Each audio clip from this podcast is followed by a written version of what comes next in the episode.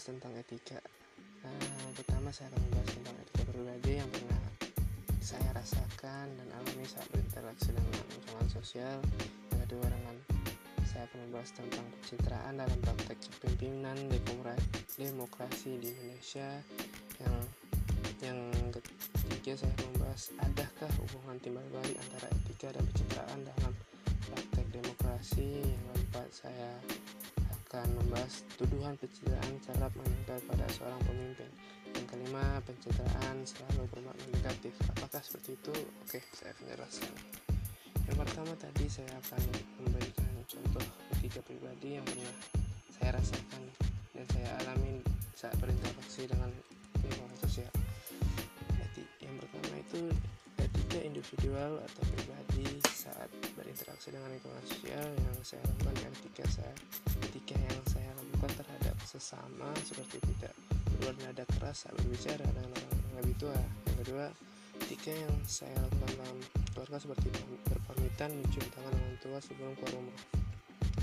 Yang kedua saya akan membahas tentang pencitraan dalam praktek kepemimpinan demokrasi di Indonesia Menurut saya, pencitraan dalam praktek kepemimpinan demokrasi ialah jika seorang pemimpin melakukan suatu pergerakan atau kebijakan dan itu membuahkan hasil yang baik dan akhirnya nama pemimpin itu menjadi baik di kalangan masyarakat.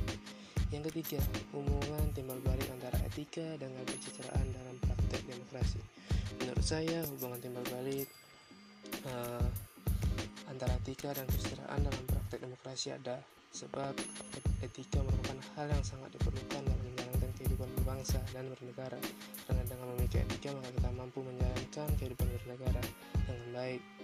Lalu jika kita memimpin dengan benar dan menghasilkan sesuatu yang, yang bagus kita dapat pencitraan, pencitraan yang bagus juga. Yang keempat uh, tuduhan pencitraan kerap menempel kepada seorang pemimpin. Tuduhan pencitraan menurut saya banyak sekali orang yang maksudnya ya saya bahas ya. Orang yang sangat ingin naik panggung sedangkan yang sudah berada di panggung ingin tampil menonjol. Ingin menjadi yang paling diperhatikan mengapa harus melakukannya? Karena tidak lain dan tidak bukan paling diperhatikan. Yang tidak bukan melihat tahun depan. Era pembuktian siapa yang paling unggul dan unggul dalam hal merebut mandat rakyat Kekuatan politik yang kini berkuasa tentu akan berusaha sekuat tenaga dan daya melanggengkan kekuasaan yang ternyata manis itu. Uh, yang kelima, pencitraan selalu bermakna negatif. Tadi sorry ya, ada suara ini lagi ada kerjaan.